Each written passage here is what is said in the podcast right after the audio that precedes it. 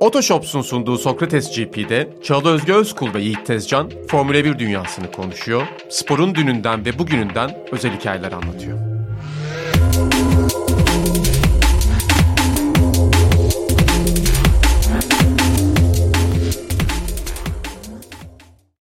Sokrates GP'ye hoş geldiniz. Uzun bir aranın ardından beraberiz. Hep bunu söylemek istemişimdir.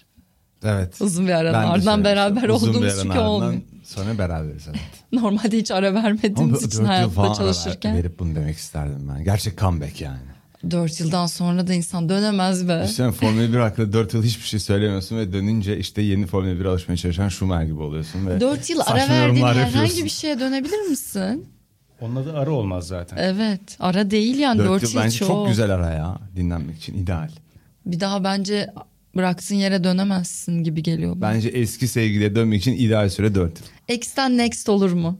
4 yılları olursa zaten next olmayı unutmuş oluyorsun yani. Evet, X bile olmuyor 4 yıl yani. geçtikten sonra eksiliğe düşer onun zaten. Eksiği düşüyor değil mi? kısa da Nedir on- limit? on yıl falan Ne güzel. kadar ara verilmiş olması lazım verdiğimiz şey Eksik geri olarak dönmek için?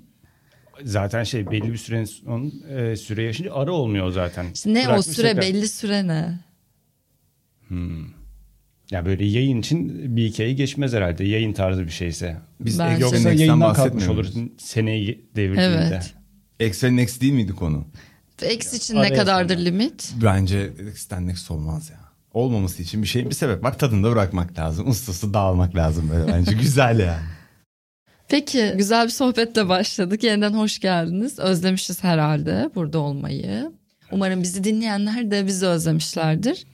Evet tabii yine Otoshops'la beraber yolculuğumuza devam ediyoruz Sokrates GP'de. Onların da bir duyurusu var. Onu sizinle paylaşmak istiyorum hemen programımızın ilk bölümünde. Aracınızı satmak ya da ikinci el bir araç almak istiyorsanız en doğru adres Otoshops diyoruz. Hem de şimdi en doğru zaman çünkü indirimler başladı Otoshops'ta.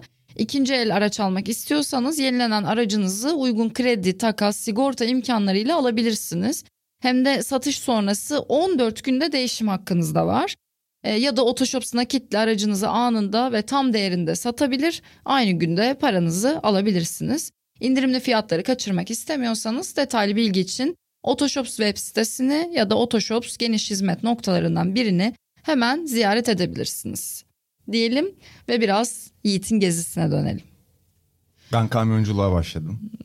Sen evet uzun bir yol yaptın. 4000 Çok da uzun bir yol yapmadın ya. Bayağı yapmışım ya. İşte Ne kadar? 4000 kilometre falan yapmışım. O İzmir civarını Foça üzerinden Sağa de sola çok gide gezdim. gide. Sağa sola gide gide. İşte e, eski Foça, Datça, Didim de geçirdim bir gün. Sonra İç Anadolu'ya gittim. Dayanamıyorum. İç Anadolu'ya gitmem lazım. Konya'da 3 gün kaldım. Konya civarında enteresan coğrafi şekiller var. İşte obruklar var, kurumuş bir göl var falan filan. Bir de insan ve araba yok. O civarını gezerken araba görmüyorsun. O çok huzur verici bir şey. Huzur verici bir şey. Ya inanılmaz güzel. Buraya bir geldim inanılmaz kalabalık geldi. Hala öyle geliyor. Burası ama nereye gidip, gidip dönersen inanılmaz kalabalık gelen bir yer zaten. Ya evet niye hepimiz buradayız bir kere daha sorguladım da şimdi tabii. Biz de burada olduğumuz için de ekstra kalabalık zaten. Biz de E, evet aynen. Gidemiyoruz bırakıp yani. Güzel gezinden dolayı seni tebrik ederim. Ben de böyle geziler yapmayı seviyorum ve özellikle de Türkiye'de birçok yer olduğunu düşünüyorum. var ya. Görülecek. Hiç onları yapmadan e, böyle belli bir yere tıkılı kalıp sadece oradan ibaret sandığında ülkeyi Ya e, yaşantılardan da haberdar olmadığında gerçekliklerden de çok kopuyorsun gibi geliyor. a- aynen öyle. Yani gerçekten çünkü oradaki insanların hayatı yaşamı hızı falan filan da çok ilginç. Şöyle çok enteresan bir anımı da anlatayım. Son gün kervansaraylara giriyorum. Bir tane kervansaraya girdim. Acayip bir kalabalık var. Dedim Allah Allah yani böyle bir yere. Görmeye gelmiş insanlar. Çok ilgimi çekti ama anormal bir kalabalık bu. Türk bayrakları da falan. Düğün varmış. Eski kervansarayı restore etmişler. Düğün yapılıyormuş orada. Konya'dan 40 kilometre bir yerde. Düğüne gitmedim tabii. Bu da böyle bir anımdır. Niye böyle sessizleştiniz? Bir şey eklenecek gibi dinledim sürekli böyle. Ek- Eklendi de zaten. Sonra- yani adam Kesmeyeyim diye antik şey kentte söylüyor. düğün yaptığımı düşünsene abi. Bence yeterince ilginç yani. Gayet. Keşke düğüne de gitseydin ama. O kadar gitmişsin. Ya. Belki Yiğit de bir gün bir kervansarayda Belki evlenir. Kervansaray'da diye Selçuklu hanımıyım ben. Neyse gezdin geldin sen de. Biz de yoğunduk biraz. Öyle denk gel sezon başı olduğu için. Ben zaten Çok esprisine gülünmeyen burada. adam oldum. Var ya bir tane video biliyorsun. Ne oldu? Esprisine biliyorsun değil mi o videoyu? Ben aralara gülme ekleyeceğim. E, fıkra Ben şey şaşırmadım da o yüzden. Ha. Çok böyle şerli karşılaştım ben de o yüzden. Bu fıkra anlatan adamı da anlatıp iyice dibe vurmak istemem. Yani arka bahçede düğün yapılıyor Türkiye'de o yüzden. Ya bilmiyorum. Buyurun devam edin. Çalın. E ne diyorduk? Formula 1 yarış falan döndü bu mesai tekrar.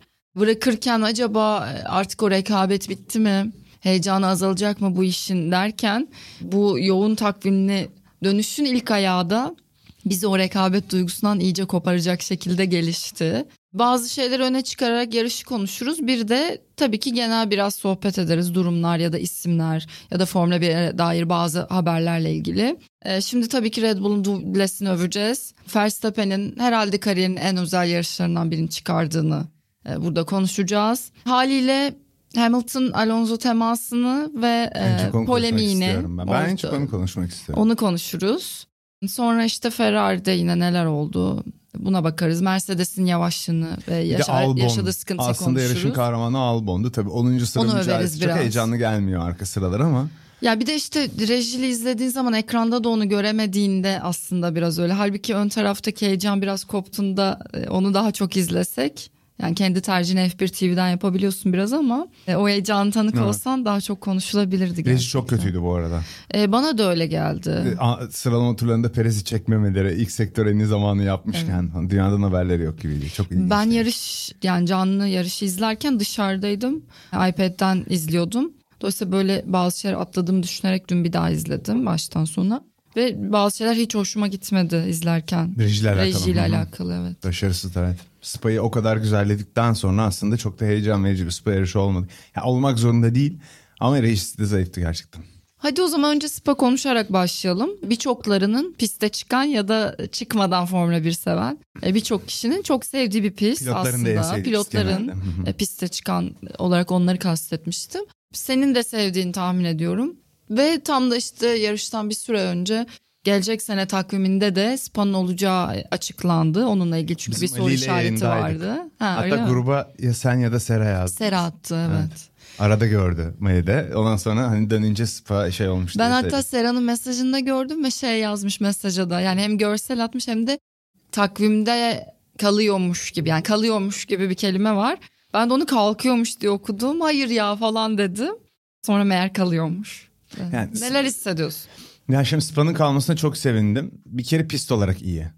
Yani istediğin kadar pist mühendisliği yap. Yeni pistlerin içinde tabii hep daha fazla aslında teknik bilgiyle veriyle o Tilke'nin pistleri falan filan yapıldı ama Spa'nın eşsiz bir hem yarışlar ortaya koyabiliyor hem değişken hava şartları artı eksi bunda etkili oluyor. Aslında son iki Spa sıkıcıydı. Yani bir çok iyi bir yarış değildi çok heyecanlı ve bir önceki Spa'da malum yapılamadı yani yapıldı ama yapılamadı gibi.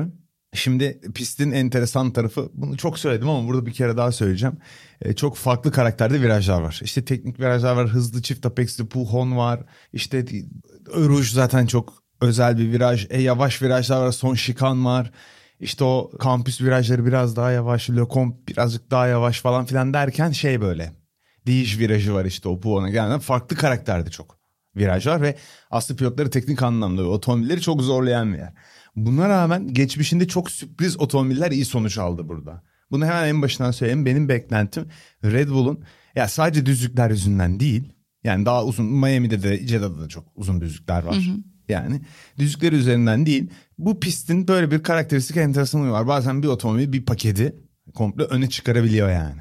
Burada da biraz buna benzer bir Red Bull adına senaryo yaşandığını düşünüyorum ben. Hafta sonu başlamadan önce de böyle düşünüyor muydun? Hayır düşünmüyordum çünkü burada Force India pole aldı bilemiyorsun Evet, yani. evet. Çok, çok enteresan bir çok sürpriz sonuçların olabildiği bir pist burası yani. Bir de aslında hafta sonunun genelinde yarışa göre hava da çok farklıydı.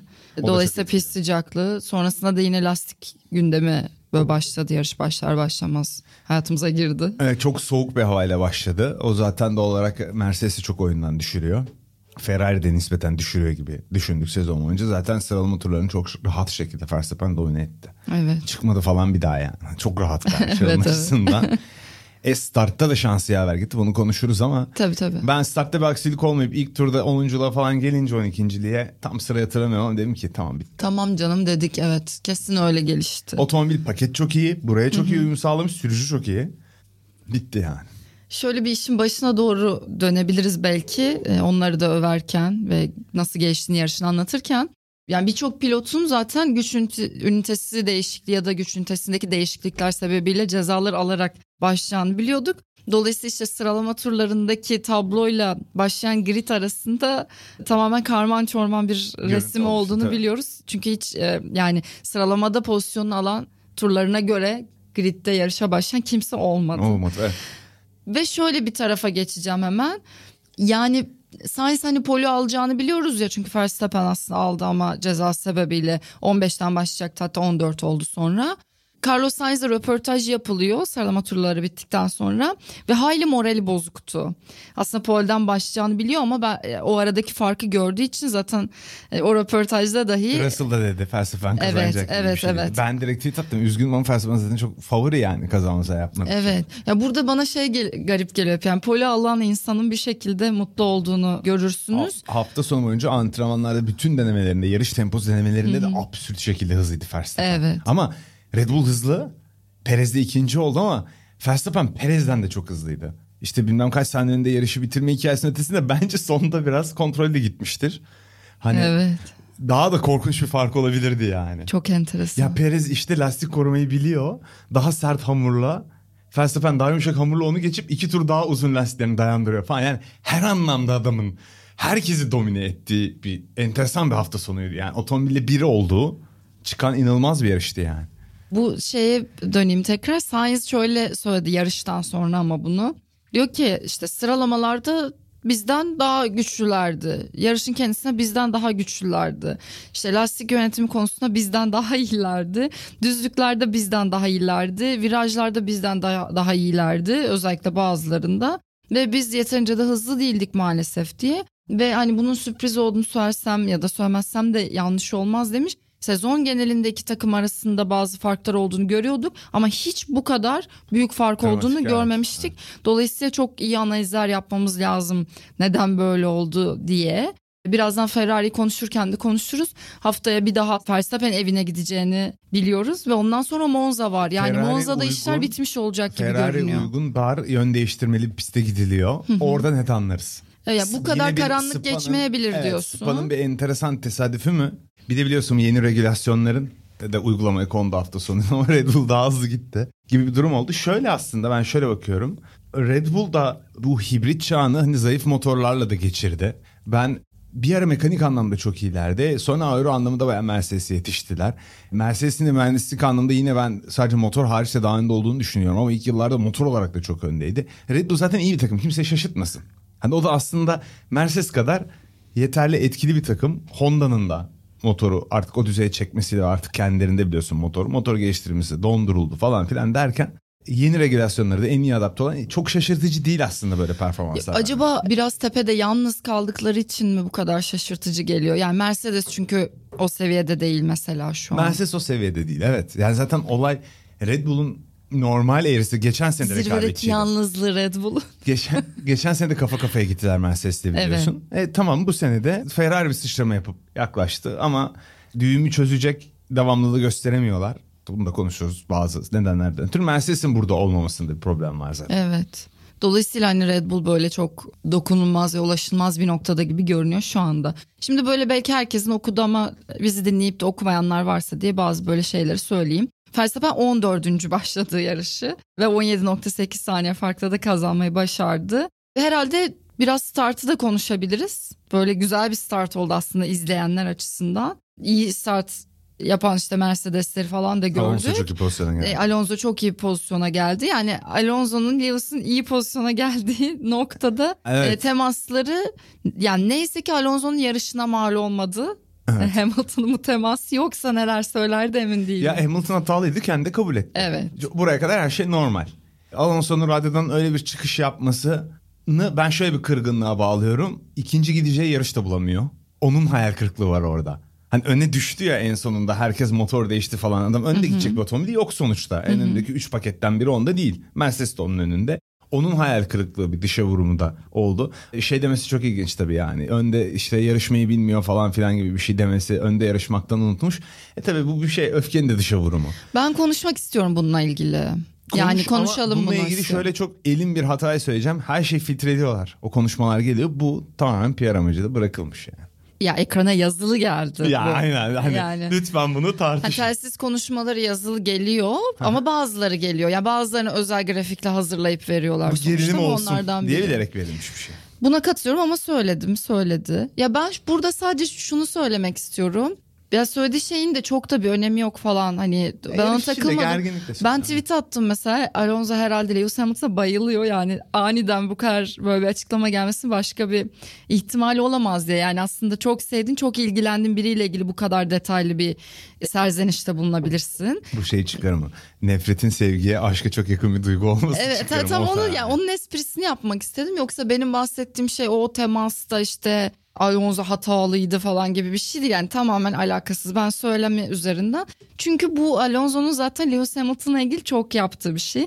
Sen de denk geliyorsun. Röportajlarda işte Mercedes'teki o sırt ağrıları zamanı işte yarışılacak mı yarışılmayacak mı yağmurla ilgili bir şey olur. Yani bunlar birbirlerine aslında belki insan olarak duruş olarak yakın olabilecek insanlar olmasına Ben rağmen e, ve çok zıtlar. Dolayısıyla Alonso bence her röportajında ve demecinde Hamilton'a olan gıcıklığını çok net belli bir ediyor. çıksalar eğlenmezler. Mesela Bence Alonso'nun. Verstappen'i sevdiğini görebiliyoruz. Mesela çok eğlenirler. Otomobil konuşurlar bilmem ne ona tavsiye. İkisi bir araya gelip bir akşam yemeğine çıksa keyif almayacak iki insan. Zaten Bence Verstappen burada çok Tarz olarak yersiz da bir fark örnek var. ya. Yani ben bunlar Hayır. bu insanlar yaşı yakın çok uzun süredir beraber yarışıyorlar. Aynı yerde de yarıştılar ve birbirlerinden çok şey hoşlanmıyorlar manada şeyinden. istedim.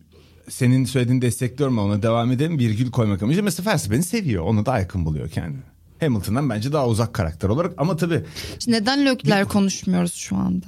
Yani Verstappen örneğini o yüzden anlayamadım. Neden onu sever? Yani neden Verstappen ilk aslında aklına gelsin? çünkü- Şampiyonluk şeyinden mi? E, şampiyonluk şeyinde de ona destek olan açıklamalar yaptı. Dur benim de kafam karıştıracağım. Geçmişten bu husumeti var çünkü Alonso Hamilton'da. Ne olursa olsun işte onun, yanında. ondan bahsediyorum. Ondan diyorum. Yani Verstappen örneğini ondan anlayamadım. Verstappen Hamilton'da rakibi onu da seviyor bence. Yani Heh. bunu söylemek de yanlış galeyana getirecek veya insanlara şok Yok ben hani bir şey yok. böyle mesela Fettel örneği versen yine benzer Aha. süreci daha uzun süredir beraber getiriyorlar ya Fettel'i seviyor ama Hamilton sevmiyor gibi bir şey. Verstappen zaten daha genç ve aslında belki Hamilton bile Verstappen'i seviyordur. Anlatabiliyor muyum? Bence o çok şey. bir derdi yok ya. Seviyor bence. Be- Yani bence de. Bence Verstappen'in de Hamilton'la rakip olduğu için ona olduğundan kötüymüş gibi davranmaya çalışıyor şey olmasın diye. Abi sana hayranım dediğin adamla şampiyonluk mücadelesine giremezsin yani. Tabii evet evet Ya olmaz. Verstappen'in de Hamilton'la Canın pahasına yarışamazsın o zaman değil mi? akıllı insanlar zirvede kendine yer buluyor. Bu kadar teknik, sponsorun bilmem nenin olduğu sporda. Ve akıllı insanlar hiçbir zaman bir şey öğrenebileceği birinden, örnek alabileceği birinden körü körüne nefret etmez. Ben öyle düşünüyorum. Doğru. Yani Hamilton da Verstappen'den bir şeyler öğrenmiştir. Verstappen de Hamilton'a kesin öğrenmiştir yani. yani. Aksi mümkün değil. İnsanlar biraz şey algı. Alonso'nunki de dümdüz bir nefret veya akşam evde Hamilton fotoğraflarına dart atar gibi bir hali yok ya. Ama bir husumetleri Ama şey hoşlanmıyor var. belli değil mi? E, Tarzından e hoşlanmıyor çünkü- Hamilton'ın. Çünkü şöyle iki tane sürüş becerisi olarak yakın iki sürücü Mercedes programında Hamilton'ın önü açıldı. Alonso'nun aşı şampiyonluğu gelmedi. Yani bu bile yani dost meclisinde olan şu herif olmayaydı da ben olaydım Mercedes'i diyordur yani. Ne var bunda? buna kaldırıyor olabilir. Ya evet. Yani Vettel de çok iyi bir pilottu. İşte o Red Bull'la domine etti. Alonso'nun orada bitti. E bir de takım arkadaşlıklarından gelen zaten bir gerilim var. Çünkü Alonso her zaman takımda tek adam olmaya alışıktır. Alpine de öyle çalım attı bence zaten o gerekli şeyi bulamadığı için. E Hamilton da o zaman yanına gelince ona kafa tutunca takım da ya bu adam ilk senesine geldi vesaire zaten kendi programında yetişmiş Mercedes'in falan. E tamam bizim adamımız biz de bundan da yana çıkalım deyince iyice drama Evet. olaydı falan filan. Bir şu aşırı normal bir olaydı yani. Dolayısıyla o söylemin işte şey olduğunu düşünüyorum. Atıyorum kim böyle çok konuşur telsizden? Hamilton da çok konuşur. Hamilton o başka çok- şeye konuşur. Hamilton Yani lastiklere konuşur ya. O vesaire. kendi üzerinden konuşur. hep. Evet. İşte Yuki mesela işte hani meşhur çok dır dır dır dır söyleniyordu özellikle geçen sezon. Bu sezon pek de rastlamıyoruz gidişatla da ilgili herhalde. O tarz bir serzeniş değil bence o tersteki işte bir anlık sinirli değil. Bence zaten öyle düşünüyor. Kolay kolay insan öyle bir anda aklına o gelmez bence. O yüzden e, ben üzerine böyle konuşulması gereken bir şey diye düşündüm. Hani inanılmaz bir andasınız. İşte direksiyon elinizde hala işte virajlar vesaire böyle bir zor bir spor devam ediyorsunuz. Kolay kolay öyle bir düşünce akla gelmez Ben bence. sana katılıyorum ama bunu da şu an beyan edeyim diye söylediğini düşünmüyorum. İçinden çıktı Ha, sadece. ben, tabii. Ba- Sadece hani tesadüfen çıkmadığı, kızgınlıkla söylediği gibi değil bence. Yani ben bunu söyleyeyim de herkes duysun gibi bir şey tabii ki aklıma Yok, gelmiyor. bence o de şeyle çıktı. Ama şöyle bir şey var. Vent and drive diyeyim buna. Venting diye bir laf var ya bunu yapıyorsun yani simülasyonda bile yapıyorsun. Bunu neden bilmiyorum. Biriyle yarışmak ve bir şeyin çok ters gitmesi aşırı anlık olarak yüksek adrenalin, yüksek nabız siniri ozan bir şey. Yani bunu insanlar anlayabilecektir yani diye düşünüyorum. Böyle bir durumdaki gerginliği ve siniri. O yüzden pilotların Verstappen'in otomobili şikayet ettiğini, Hamilton'ın şikayet ettiğini, mızıkçılıklarından değil yani. O anlık terapi gibi. Konuşunca rahatlarsın ya sürerken. O odak aşırı odak verdiğin bir şeyin içinde belki işte bir yüzde ikilik üçlük odağın kalır stratejiye bilmem ne. O şikayet etmek sürerken konuşmakta bence o siniri içinde tutup pistte saçma hareketler yapmak yerine şey yarıyor. gibi Peki şey söylediği şeyle ilgili ne düşünüyorsun? Alonso Hamilton hakkında mı? Ya komik. Bir bilgi olarak yani. yani bir, bir, bir- Geçerliliği var ya mı? içimden bir kıs kıs güldüm açıkçası. Komik çünkü yani. Hani ya tabii ki doğru değil söylediği şey. Çünkü Hamilton'ın bence şu konuşuluyor ama. Ha çok güzel bir soru sordun bana. Bence şu konuşuluyor. Hamilton'ın Verstappen'e karşı mücadelede fazla yer bıraktığı için bence bu pilotların arasında konuşulmuş. Anlatabiliyor muyum dediğimi? Bir daha söyle. Hamilton Verstappen'le mücadelesinde Hı hı. daha yumuşak davrandı ben eleştiriyorum. Evet, Hamilton evet, evet. taraftarlarına sormuştum bir gün de bir kısmı haklısın abi eskisi kadar agresif sürmüyor dedi. Bir kısmı abi ne alakası var Verstappen şey gibi sürüyor dedi. İnsanların fikirleri değişir. Ama bence o mücadeledeki yer bırakmaları şeyi falan filan pilotlar arasında konuşulmuş gibi bir teoriyle geleceğim ben sana. O bak yarışmayı bilmi oradan çıkıyor bence. Çünkü Hamilton'ın insanlara çarpma gibi bir huyu yok. Maldonado değil bu. Bu, bu başka bir şey altyapıdan çıkıyor bu. Ve bence ki ben bunu düşün ben eskisi kadar agresif olmadığını düşünüyorum. Ve şimdi dönüp agresif olmaya çalıştığında da yani başına kötü bence denk geliyor yani. Nasıl diyeyim yapamıyordan ziyade Alonso'nun dediğinden ziyade ben denk geldiğini düşünüyorum. O gün mesela kapıyı fazla kapattı. Ama mesela Hamilton deneyiminde birinin Kendi de söyledi zaten hata Olur yaptım yani, dedi. Yarışınca kaza olacak zaten mantığı şey mantığa aykırı olur. İki pilotun yarışırken kaza yapmamaları. Verstappen Hamilton az bile kaza yaptı geçen yıl yani. Evet, Sürekli evet. birbirlerine dolanabilecekleri bir sürü an oldu Zaten yani. hep yapacaklar gibi hissediyorduk. E, Böyle bir şey yarışmak yani. Ya bir de yakın yani temasa müsait olacak gibi gidiyordu yarışlar. Burada da öyle olduğunda oluyor aslında yine temas. Ne yani şöyle düşünsün insanlar bence bu tip rekabetleri. Senna Prost rekabetini düşün ve sonunda oluşan lütfen geri dön yarış. Yani bu, bu çocuklar ne ben seni özledim demesini düşün. Senin yani bu pist üzerindeki rekabetin doğal bir uzantısı yani. Ya ben diyelim Sencer'le rakibim. Hadi Sencer'i katayım yani. Hani bir şey için rekabet ediyoruz ya. E tabii ki onunla benim şahsımda onunla çok iyi arkadaş olmak istemem mesela. Bazı mesela Jordan'ı suçlarlar ya konu çok dağılıyorsa toparla. İşte şey Petrali demiş. Oyuncularımla arkadaş oluyor. Onları yemeğe götürüyor sonra sahada onlara kötü davranıyor dedim. Ben böyle şey yapamam mesela yani. Dümdüz selam selam der geçerim. Herkesin tutumu farklı yani. Aklımızda bulunsun. Şimdi şey mi konuşuluyordu? O konuda mı Gasly'nin arası çok iyi değilmiş? Değil mi? Gasly oraya gidebilir diye bir şey çıktı. O konuda gelsin ya başımızın üstünde yeri var bizim aramızda o kadar kötü değil falan gibi bir şey söylemiş. Galiba kötüymüş ben onu kaçırmışım tam. Hakim değilim dedikodularına falan. Ha ben de bilmiyorum neden kötü olduğunu. Bekar mı ikisi acaba? Hemen. Bak dedikodu. yine yani başka bir şeye de bağlanamıyor mu bu iş? Aman basite indirgeyim ya. Bir insan iki insan birbirini neden sevmez ki yani? Tamam o zaman biz Alonso Hamilton mücadelesini böylelikle noktalayalım. Red Bull'a ve yani Verstappen'e tekrar dönmek istiyorum. E, 14. başta demiştik ha şeyi konuşurken oldu bunlar. Startta zaten ilk turda Alonso Lewis Hamilton bu olay yaşandı. E, oradan biraz devam edelim. Aslında bu temasın üstünden işte Hamilton'da bir süre devam etti. Araçta sıkıntı mı var yavaşladı. İşte Alonso ne olacak derken yani bu arkada kalanlar için de sıkıntılı bir şey yaratabilirdi. Bir kaosla devam etti o bölüm. Oradan hasarsız çıkabilmek de önemliydi. Şey de Verstappen de demiş yani start ve hemen sonrası için biraz kaostan uzak durmaya çalıştım ve sonra tırmanmayı hedefledim diye. Orayı öyle geçip sonra ilk turun sonunda da dokuzunculuğa çıkmış olması zaten geliyor bu adam hani podyuma oynayacak dedirtti. Çok rahat kazanacak. Sonra da Evet. 12. turda liderdi. İnanılmaz. Ondan önce bir de Bottas kısa çöpü çekti. Evet. Gerçekten şey hani Final Destination oldu Bottas'ın yarışı. Şu Yani- Kalmovic mi Final Destination? Latifi gidiyor giderken tek de gitmiyor yani. Ha, Götürüyor da yanında önünde bir şey. birisi pistten çıkıyor Lecomte'da saçma sapan. Stroll de orada pistten çıktı. O da birini götürüyordu. Evet. Kıl payı kurtuldu. Dönüyor geliyor. Alakası ilk otomobil sıyırıyor. Kaçıyor. ikinci bu habersiz Bottas. o da ilginç bir şey geldi. Hiç, hiçbir şey yapmıyor çünkü. Sezon belli bir kısmından itibaren Alfa hiçbir şey yapamadı yani. Ne kadar övüyorduk. Bugün tempoları bence olabilecekti. Hafta sonu yarış tempoları falan iyiydi bu sefer de. Yarış dışı kaldılar. Bottas'ın doğum gününü kutlamak ister misin burada? Doğum günü bugün mü? Dündü galiba işte yarışta. Şey önceki gün oluyor Önceki pardon gün biz mü? salı çekiyoruz. İyi ki doğdun Valtteri. ben bütün çıplak fotoğraflarımı paylaşıyorum Instagram'da falan. Çok orijinal geliyor bana. Tabii çünkü. 28 Ağustos ya. O konuşuldu hatta doğum günündeki yarışta başına neler geldi diye. Diyor, ben Bottas'ın bir karakter olduğunu düşünüyorum bak mesela çok hoşuma gidiyor. İlla böyle kazanan şey bir karakter değil abi. Enteresan bir karakter yani. Kız arkadaşıyla diyaloğundan tut şeyine kadar Sen o yine bir fotoğrafı hayattan paylaşmışsın. keyif alan çok... birini görüyorsun anladın mı? Yaşamayı seviyor ve belli ki bir ölçüde hafife alıyor. O yüzden çok hoş bence. İyi ki doğdun Valtteri.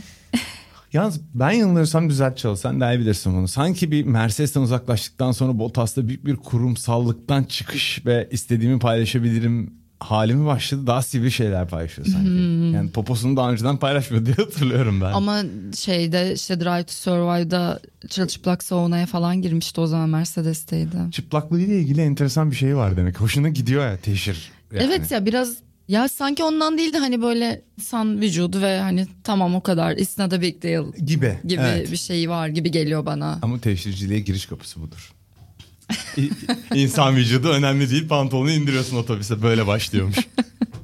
Ya şimdi anatomi teşhir falan böyle konuştuk da ben de çok emin olamadım. Sencer sen de bir bak yargıyla Nereden gel. görüyoruz?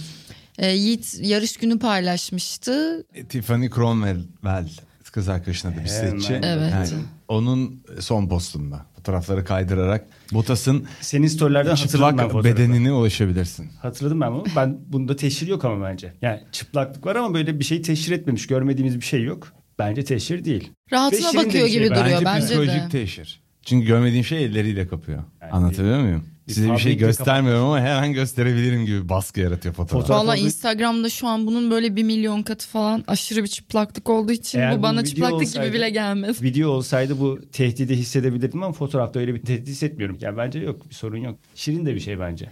Ya Şirin zaten. Valtteri de bir şirin olduğu için sanki. Olabilir. Bu bir tane de nehirde öyle bir fotoğrafı vardı. Nehirde yüzüstü takılıyor. Papası görünüyor böyle arkada. Onu böyle çerçevelettiler. Lewis Hamilton'a Mercedes'e mi hediye ettiler falan onun olduğu hafta. Şimdi adam Mimlere konu oldu. dünyada her yere gidebiliyor kabul. Önce onu söyleyeyim ama bu kadar cazip kılan bence burada hepimizin uygulayabileceği tarzda bir hobilere ve yaşam tarzına sahip olması. Yani biz de bir dereye gidip girebiliriz. Bisiklete binebiliriz sabah akşam. Bir eve gelip istiyorsak. Amele yanıyla öyle fotoğraf koyabiliriz falan. Yani bizden aslında yaptığı şeyler. Hani böyle büyük bir event tarz bir şey de görmüyorsunuz. Zaten filmlerin tümünde var bu kaçma o tip. Kalabalık şeylerden kaçma. E çok kendi halinde yaşıyor. Bence o bunu şey yapıyor yani. Ya benim Aynen bu çekici yapıyor. Fotoğrafta yüzden zaten şey var söylediğin gibi. Yanık izleri işte güneş yanı izleri Evet. falan. Hani biraz sanki amacı oymuş gibi de Evet, fotoğraf. o hiking ve bisikletten falan olmuş yanıklar Evet onlar evet muhtemelen. ondan Evet. paylaş. Yani yaz arasında onlar böyle geçirdiler aslında gibi. Drive to Survive'da da bir bölümde işte saunaya giriyorlardı. Orada da böyle işte çıplak kendi memleketinde olduğu Sonra anlar her vardı. filmin girmesi gereken bir şey. Öyle bir geyik var. Hepsi giriyor. Bir de ormanlık dağlık bir alanda falandı. Valtteri Bottas'ı bize yakından tanıdıkları, tanıttıkları bir bölümdü. Tamam o zaman teşhir olmadığı konusunda hemfikir miyiz şu an? Yani bence öyle. Ben teşhir, ben çıplaklığı benimsemenin tamam canım savunmuyorum. Ya geyik olsun diye sevmiştim. Sen çıplaklığa karşısın anladım ben seni. Niye karşı oldun canım? Çok güzel bir şey çıplaklık. Hepimiz annemizin karnından çıplak çıktık yani. Bu bize biraz bu saniye şeylerinden de belki Verstappen'in performansını överken bahsedebilirsin. Perez'den e, şey paylaştı. Sen de görmüşsündür. Muhammed Kaya e, yarıştaki dominasyonu anlatmak için o telemetrideki verileri paylaşmış da orada işte Verstappen Perez'den 0.7 saniye daha hızlı tempo ortalaması. En Sainz'dan da 1.4 saniye hatta. Ferhat. evet. Sainz'dan da yaklaşık 0.9 saniye daha iyiymiş. Farkların da daha dramatik görünebileceği bir pist burası. Uzun ve çok viraj var. Bir de e, her virajda ekleniyor farklar. Yani tabii ki bu arayı genişleten bir şey en azından. Yani şey demiyorum yok canım olabilir böyle şeyler anlamda demiyorum. Ben olağanüstü performansı gerçekten ama ben Zandvoort'ta tekrar kafa Değişebileceğini düşünüyorum. Red Bull biraz daha önde olabilir. Bu kadar dramatik bir fark olmaz ama. Olursa zaten geçmiş olsun yani. Bu şey Christian Horner Verstappen'den bahsederken bunlar da arka arkaya düştü bu demeçler Twitter'da öyle gördüm ben. A League of His Own demiş. Sainz de Red Bull'dan bahsederken they were on another planet demiş. Yani bir işte yani o kadar başka seviye, başka gezegenden falan. Yani bu sadece bana şöyle bir şey olarak da geliyor. Belki söylediğin gibi Hollanda'da biraz e, araçların durumu farklı olabilir. Ferrari'de enseyi karartmaya gerek, gerek yok denebilir.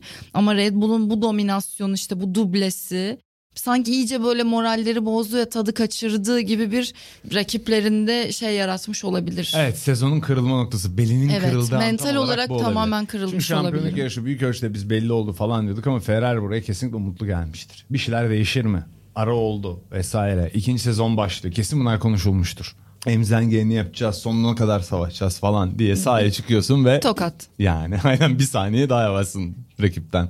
Yani çok- motivasyon Evet. kalmaması normal. Toto Wolff de benzer şeyler söylemişti yarıştan önce. En hatta. kötü sıralama turu dedi Mercedes tarihinin gibi bir şey dedi. Yani beklentilere oranla en kötüsü olduğunu Evet. söylüyor yani.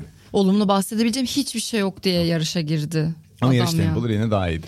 Ferrari'le O yakın. da yaşlandı resmen bak bu sene. Wolf, Toto Wolff Evet. Gözlerimle görebiliyorum bunu. yaşlanıyor mu diyorsun? Evet. Moraller bozuldu mu? Stres abi yaşlandırıyor insanı. Şimdi biraz da Ferrari'nin ne yaptığını konuşalım. Ee, böyle deyince de komik oldu ama Sainz yine podyum görmüş olduğu bir şekilde ama Russell da ensesindeydi yani. Ee, her an göremeyebilirdi gibi hissettiğimiz an da çok oldu. Sainz'den bağımsız biraz da Lökler'i konuşalım. Ee, onun için aslında yani Ferrari'nin işte kızılacak şeylerin bir tarafta biraz da şanssız geçtiğini de söylemek lazım. Galiba o Hamilton'ın olayından sonra Vizör e, hikayesi. Verstappen'in işte vizörün o etiketini erken çıkarmış olması, onun gelip Lökler'in aracına takılması falan gibi bir sorun yaşadılar. ediyoruz. Şu an öyle E, oldu. bu- buna benzer işte anlatılar var. Yani aslında dokuzunculuğa çıkmıştı o da pite girmek zorunda kaldı falan. Hani bunlar da yaşandı. Böyle bir duman geldi araçtan vesaire. E, bu dolayısıyla hani Ferrari ile ilişkilendirilebilecek bir şey değil. E, ama sondaki bölüme bakmak lazım herhalde. En hızlı tur zamanı piti yaptılar bir puan almak için. Ben şimdi bu karardan bağımsız önce şunu sormak istiyorum sana. Bir puan ne ifade eder? Bir yani puan- alın buyurun ben size veriyorum. Hiç en hızlı tur Yok, falan bir- da değil. Bir, bir Ne puan ifade eder? sezon sonunda bir şey ifade edebilir. Sonuç olarak bitmedi yani. Hani de çok gerideler ama ne yapacaklar? Yarışmayı mı bırakacaklar? Bence doğru karardı yaptıkları. Öyle mi? E, tabii ki. Ama çok muhtemel değil miydi böyle olabileceği? Yani sen bu pit denemesinden Ha, o en hızlı tur zamanında Bence bir puan turu- alacağını düşünüyor muydun? Ben en hızlı tur atamayacağını düşünüyordum. Ha, tamam neden doğru? okeyim. Abi hız farkından ötürü, tempo farkından O zaman sen ötürü, bir notörle aynı şeyi düşünüyorsun. Yeni lastiklerle ve muhtemelen full RS şarjıyla, bataryasıyla bir de atamayacaklarını düşünüyordum. Zaten öyle görünüyormuş aslında. Bir notta dedi ki That's the type of risk you may always have. Yani böyle bir risk her zaman olabilir. Alabilirsiniz bunu ben, diyor. Ben riski almaları Bizim yine, için yine doğru karardı diyorum. demiş. Yani o turu muhtemelen atamayız deyip almamaları da yanlış. İşte bir yarışta tutunmaya çalışıyorlar ama sonuç daha kötü oluyor tabii. Evet. Ceza aldığı için. Bir de demiş ki Formula 1'de biraz cesur olmalısınız bu kararı anlatırken. Yani cesur da, cesur olmalısınız yüzde yüz katılıyorum. Cesur cesur olan insanların başına kötü şeyler de gelir. Buna da katılıyorum. Ama yani yapılan onca man kafalılığı açıklayan bir şey değil bu yani yapılan stratejik hatayı. O yüzden Ya ben şey sadece ifade etmiyor. burada bunu almalarının çok zor olduğu zaten belli gibi. Ee, Yani çok az kalmış. Pistin koşulları belli. Lastikten ne zaman faydalanacağız ve Alonso'nun sizin pit çıkışınızda nerede olacağını az çok kestirebiliyorsunuz. Böyle bir şey başlarına geleceği çok belli. Hani şey belki belli değil işte tabii ki. Bir kilometre daha hızlı Şimdi e, çıktığı için o- pitandan ceza alacağı Şimdi şu- Başka bir konu. O tarz şöyle bir karar ki diyelim çıktı ve en hızlı turu attı. Şu an bunu ben konuşmuyorduk bile. Muhtemelen. Normal bulmuştuk. Zaten hızlı otomobilde Red Bull kadar hızlı olmasa da yarışın sonunda yeni yeni lastiklerle falan filan bütün gücüyle en hızlı tur attı. Yarışta tutunmaya çalışıyordu. Bir bir cümlede geçecektik. Sorun onun atılamaması, sonra pitte hız yapılması, ceza gelmesi falan filan gibi şeylerden kaynaklanıyor. yani biz bunun adına strateji diyoruz zaten işte. Evet, Bütün strateji bu uygularken akışa. yine şey tabiri, internet tabiriyle fail olmasını Ferrari'nin diyoruz. Peki ne- neden fail oldu bu strateji? E, bu şey yüzünden işte sensörlerle ilgili galiba bir hata olmuş. Bu pit alanında hız yapmasıyla ilgili. Yani Evet. Oydu. Eksi iki oradan geliyor. Evet bir de en hızlı tur atamayınca tabii komik göründü. Yani kaybettiği iki puan oradan bir geliyor. de en hızlı tur atamayınca da ekstra komik göründü yani. Hadi en hızlı tur atıp ceza alaydı falan pitte şey oldu falan diyecektik de hiçbir şey olmadı yani. E, Az, o zaman aslında Lökler haklı oluyor. Böyle bir risk almak istemiyorum diyor. Çünkü her şey Demişlerdi başınıza de. gelebiliyor. Ben şuna tak, taktım Çal. Belki katılırsın. Yani şimdi yarış pilotlarının dediğim gibi bazen çok rahat konuşabiliyorlar. Hani venting dediğim hikaye var. Bazen yarışı o kadar iyi süzüyorsun giderken şey yaparken ki strateji de üretebiliyorsun. Oluyor. Lökler bunu üretemiyor gibi bir şey demiyorum. Yani yarışın şartları biraz kaybolmuş durumda. Bir tırmanıyor sonra bir şey takılıyor giriyor lastikleri rakipleri kadar iyi performans vermiyor Red Bull kadar falan filan. Çok konuşuyorlar radyodan ya. Question. Bir şey diyor uzun bir cümle question. Abi adam o an orada değil yani. O da zaten en çok geyik hard'ı- olan şeylerden biri oldu Abi- bu yarışta. Neler anlattılar o şöyle olursa böyle ben de böyle olursa edici böyle işte oluyor. yani bıdır bıdır bıdır bıdır yani. Bence çok fazla konuşuyorlar bir de radyodan. Ben söylediğim şey bence doğru olduğunu düşünüyorum. Fazla düşünüyor Ferrari. Doğru kararı güdüsel olarak almıyor Pit ekibi. Fazla düşünürsen bir şey aşırı değerlendirirsen en salakça kararı verebilirsin ya bazen. Peki bütün bu Ferrari'ye mal ediliyor ya şu an bütün bunlar yaşanan her şey. Ama aslında çoğunlukla tartıştığımız şeyler yani kötü yapılmış bir araç yok ya işin sonunda iyi başladılar da. Ama stratejilerle ilgili çok sıkıntı yaşıyorlar. bu komple Strateji departmanına alakalı evet. Yani. yani oraya bırakmak yükü ama bir yerden sonra da hani fatura hiçbir şey kesilmediğinde Yarış başında halk strateji yapan adamla anlık karar alan da aynı kişi değil. değil. Falan filan yani. Evet. Bir sürü katmanı var bunun. Komple bir noktaya kalmış gibi oluyor. Yani herkes onun adını bilip onu konuşuyor gibi oluyor. E, Neden? Çünkü Çünkü takım patronu. pilottan sonra her ne kadar bize çok beylik gelecek olsa bile team principle aşırı önemli. Tabii. Toto Wolff, Flavio Briatore, e, şey Christian Horner. Yani gerçekten liderlik vasıfları gösterdiği için onları konuşuyoruz. O insanları oraya getiren, gerektiğinde ikna eden, doğru kimyayı yakalatan o adamlar neticesinde. Çünkü Red Bull Mercedes'ten bilmem kaç tane mühendis alınca Mercedes çökmüyor. Yani başka mühendis geliyor yerine. Doğru insanları doğru pozisyonları doğru takım kültürü kurabilmek önemli diye anladım ben bunca yıllık Formula 1 izleyiciliğimle. Çünkü efsane takım Ron Dennis eski yani çünkü takım patronu Frank Williams diye böyle bir iş var yani. Evet. O Ve bu yüzden de insanları boşuna tanımıyoruz bu evet o yüzden de Binotto'ya kızıyorlar yani. Sorumluluk onda. Yani Adrian Newey olağanüstü bir deha. Şimdi herkes farkına varmış. Yeni keşfedilmiş gibi çok konuşuyorlar. Adrian Newey'in kazanamayan otomobiller yaptığı yılda oldu. Dayanıklılığı düşük otomobiller de çıktı elinden. Yani onun altında yüzlerce mühendis zaten bütün olayı organize ediyor. Sadece Newey bir otomobili yapmıyor yani. O da öyle değil tam. Veya dahi diye adlandırmadığımız baş tasarımcıların çok iyi otomobiller çıkarttığı da oldu. Yani ekip işi de aynı zamanda yani. Bir mühendislik var, bir tasarım var, bir de mühendisliğini yapmak var onun falan falan. Çok tabii ki katmanlı bir iş. O yüzden bir hata olduğunda X kişiyi asalım. O mühendisin hatası, o stratejistin hatası, o tabii. kötüdür değil ama üst üste tekrarlanıyor ya. Problem orada başlıyor. O yüzden insanlar bir sorumlu arıyor. Ben ama yani yetersiz vasıfta birinin Ferrari'de o rollerde olduğunu zaten kesinlikle düşünmüyorum. Ben fazla düşündüklerini düşünüyorum. Şu an kötüye gittikçe daha da Baskı olmuş oluyor. gidiyorlar. Ben işte dediğim gibi yani bir daha değişik bir kültür. Belki daha rahat bir kültür. Çok uluslu demiştim. Hatırlıyorsanız o İtalyan tartışması olurdu. Öyle bir kültür belki. Bir şeye ihtiyaçları var. Çünkü bir tarafta bir makine gibi işleyen Mercedes kültürü var. Bir tarafta da Red Bull'un işi bilen, işi çok iyi biliyor yani pit stratejileri konusunda geçen yıl iyilerdi. Mesela o savaşın içine girdiler hiç afallamadılar yani geçen yıl. Hiç. Ya Hazırlardı. en basit görünen bu yarışta bile aslında tertemiz Hadi bir yarış geçirdiler. Yani, evet. Perez'in pitlerinin Verstappen tırmanışını tatlı tatlı işte bulunduğu yeri korumasına etkisi var. hala o enerji içeceği havasını koruyor. Takım kültürü de öyle bence. Yani takım patronu yaklaşımları, konuşmaları da öyle. Helmut Marko'nun bile öyle. Rakibini trollüyor ya.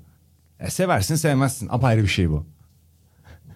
Ama e, yani Ferrari'de de böyle bir gerginlik var ya yani. Böyle taraftarlarıyla birlikte yani böyle... Yani şöyle söyleyeyim de şunu da söylemek istiyorum bu kadar konuşmuşken. Geçen seneden bu seneye kazanan bir otomobile geçildi. Hemen bence kelleler uçmaz. Fişler hemen çekilmez. Seneye daha kritik olacak. Pozisyonda kritik görevdeki insan için. Ben bu sene daha dikkatli takip edeceğim. Yani Ferrari'de ne gibi değişiklikler olduğunu merak ediyorum çünkü. İçerideki evet. Evet bir iki kafa gidebilir yani. Binotto değil bu. Oradan bir iki kişi gidebilir. Yarış mühendislerinde değişiklik olabilir. Vesaire. hiçbir şey olmaz mı diyorsun? Seneye onun bence hesabı. Son şeyi Çünkü diyorsun. yani mantıken bakıyorum.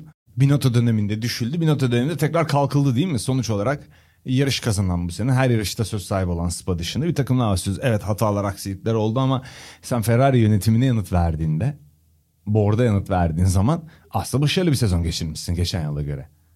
gibi bir durum Doğru. var. Seneye belirleyici olacak ama diye düşünüyorum ben.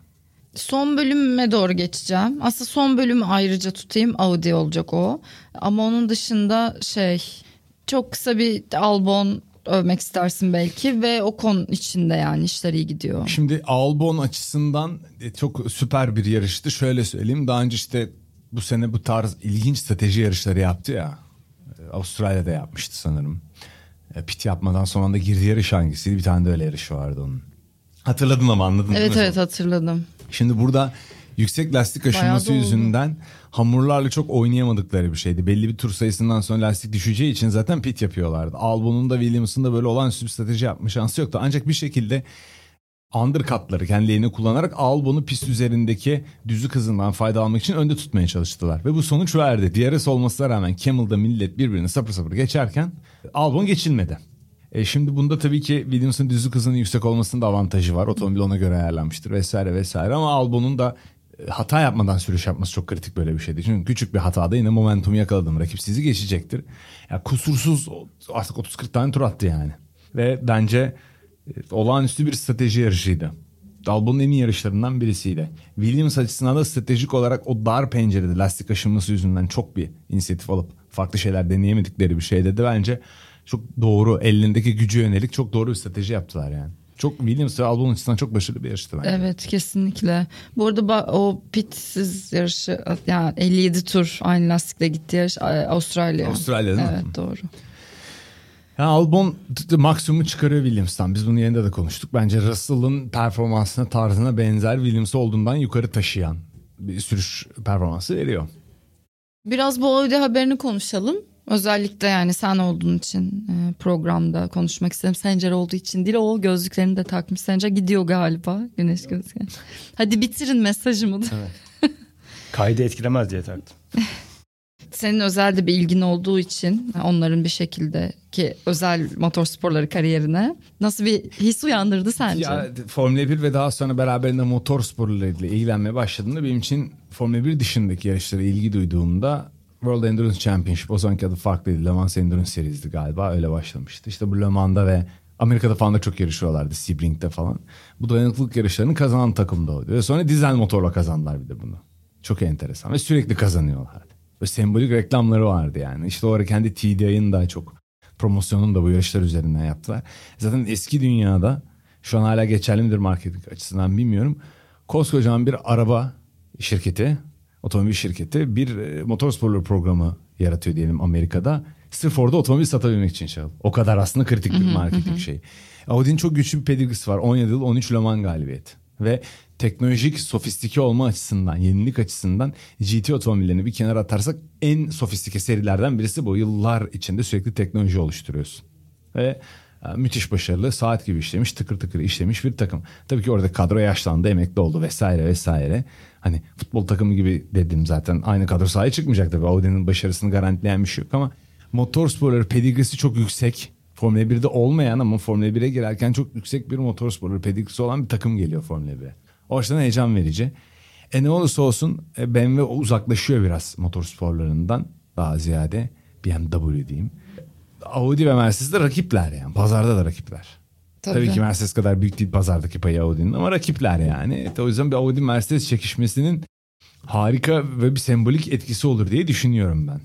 Tabii 2026'da yeni motor yönetmelikleriyle elektrik gücünün biraz daha artacak olması. Batarya falan büyüyor galiba. İşte içten yanmalı motordan beygir gücü, verim, performans azalıyor vesaire derken aslında Horner'ın da bir şey vardı. Onun üzerinden konuşacağım ben. Know-how'ı olan takımlar aslında teknoloji komple değişmiyor. Know-how'ı olan takımlar bu yeniliklere tabii daha çok adapte olabilecekler. Yani elinde 10-15 yıllık bilgi var yani artık Mercedes'in, Ferrari'nin, şuyun buyun. Yeni gelenlerin de işte bütçe kısıtlaması, sınırlaması için nasıl çalışacakları falan tartışma. Audi'nin önünde bir dağ var aşması gereken yeni bir Formula 1 motor yapmak kolay değil. Tabii ki. Hani hemen performans veremeyebilirler. Yine Sauber'in %75'ini aldıkları söyleniyor ama sadece Evet. motor tedarik çıktı. Oraları net değil. İşte Porsche çekildi deniyor şimdi. Biraz daha beklemek lazım. Ama çok heyecan katar. Sadece motor tedarikçisi olsa bile zaten rekabet.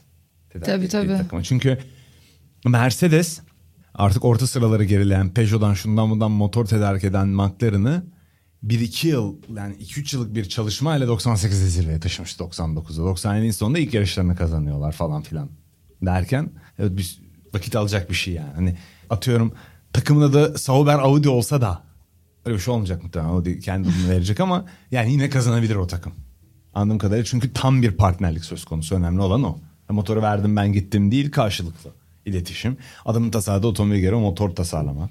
Elini çok güçlendirir. Yani takımlar da çok enteresan bir hal aldı artık. Hinwill'deki fabrikası işte Sauber'in. Sauber'de Alfa Romeo oldu. BMW'di bir ara o takım. Şimdi Audi olacak. Yani ucunu takip etmek de biraz zor. Evet. Ama çok büyük yatırımlar, çok büyük alanlara yapılmış. O rüzgar tüneli falan filan inanılmaz teknolojiler olduğu için o alanlarda en baştan girmesi birinin süper mantıksız yani. O yüzden hep böyle devralır Bilmem gibi ilerliyor. çalışıyor. Mesela bir tane fail hikayesi de var çünkü böyle. Toyota Almanya'ya kurulmuştu fabrikasını. Ve herkes İngiltere'deydi. İşte Ferrari hariç. Çok Sen de bunu hataydı. Ferrari şeyinde konuşmuştuk. Çok büyük hataydı işte. Almanya'da yok abi. Takım yok yani. Hani yakın olmak iyidir ya yani. Çalışan transferinde bile iyidir yani. Birinin sana gelme olasılığını bile arttırır. Hem sizin de mi fabrikanız İngiltere'de ne güzel. Ben de İngiltere'de Sana yaşıyorum. mesela Almanya'dan teklif gelse gider misin? Almanya'da nereden gelecek teklif? Sen ama Almanya'ya gidersin zaten. Ama İngiltere'de yaşıyor olsan ve sen Almanya'dan teklif Ya işte gelse. zor olabilir yani. Çoluğum çocuğum olsa ben mühendis gözüyle düşünüyorum. Zor yani. Hani o yüzden mesela Sauber'in de İsviçre'de bu arada. Hinwill'de. Yani o da bir ayrı bir sorun ama o takım orada en azından yıllardır. Sauber'in kendi kurduğu takım. Bilmiyorum bakalım. Ferrari gibi daha. Evet umarım Audi iyi olacak ve heyecan katacak da daha çok var ya. Evet hadi haber sıcağı sıcağına çıktı ya sen kesin bir heyecanlanmışsındır Ben diye bir de sorayım kızdım dedim. paylaştıkları şeyleri de kızdım. Jenerik otomobil paylaşmışlar ya yapıştırsana Leman'ı. Koy bir mesaj şimdi Formula 1'i domine etmeye geliyoruz falan bir şey yarat ya. Evet yani. evet bir de o kadar güzel ki Le Mans Bir de görselleri kazanmışsın. var. Hani utanacak bir şeyin yok girerken. Sen orada emanetçi değilsin abi. Bir devsin zaten motor sporlarında ve bir dev olarak oraya geliyorsun yani. Bu arada Audi ile ilgili hoş da bir detay. Michel Mouton işte. O da Audi sürüyor. Aynen. WRC başarı yıllarında Audi'nin o çılgın otomobillerin yapıldığı dönemlerde Michel Mouton'un da pilot olması bence çok hoş bir detay Audi ile ilgili. Bakalım umarım. Bir proje daha hazırlarız gibi. Çünkü en son bir proje hazırlarken seninle Audi işte ve motor sporlarındaki yerini konuşmuştuk. Sen bana anlatmıştın. Porsche'yi de anlatırken. Bakalım hayırlısı. Audi'ye şimdiden başarılar Başarı. diliyorum. evet şey gibi oldu. Motor sporları dünyasında. Aynen. Formula 1'de başarılar dileriz Audi'ye. Sencer sen ne diyorsun Audi hakkında? İçten yanmalı motorların verimini arttırması lazım. Peki abi tamam. Tabela yok. Formüle zor işte. Biraz- Ama duyduğuma sevindim ben. Böyle sempatik de bir laf çakabilir miyim biraz? Yani sen şu yaptığın yorumla bence YouTube'da izlenirsin ya. Formula 1'e girmeyi O düşün kadar bence. kolay mı? Bence kısmen kolay ya. Bir aydır izlemiyorum. Başkalarına mı biz salladık şu anda? Belki kendimi salladım. Asla ya, ya bilemeyiz. da ondan alıntı yaptım diye alıntımı övdü. Senin cümlen oldu. Vay arkadaş. Belki. Belki de. Üçünden birisi. Ya da dördüncü bir ihtimal bile olabilir. Evet. Sona geldiysek hepinize teşekkür ederim. Özlemişim. Yaptığım bütün yayınlar içinde yine kendimi en rahat, en serbest hissettim. En çok saçmadım. Umarım çok kesme gerekmeyecek Sencer Bey. O zaman noktalayalım. Gelecek hafta umut ediyorum.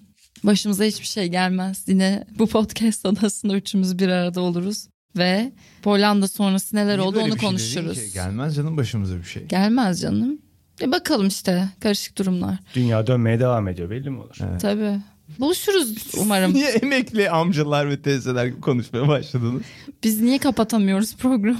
Özleşmişiz çünkü burada özgürleştik. Bir de ben deneyeyim. Evet evet Sencer sen kapat. Hoşçakalın. Hoşçakalın. Bye. Otoshops Sokrates GP'yi sundu.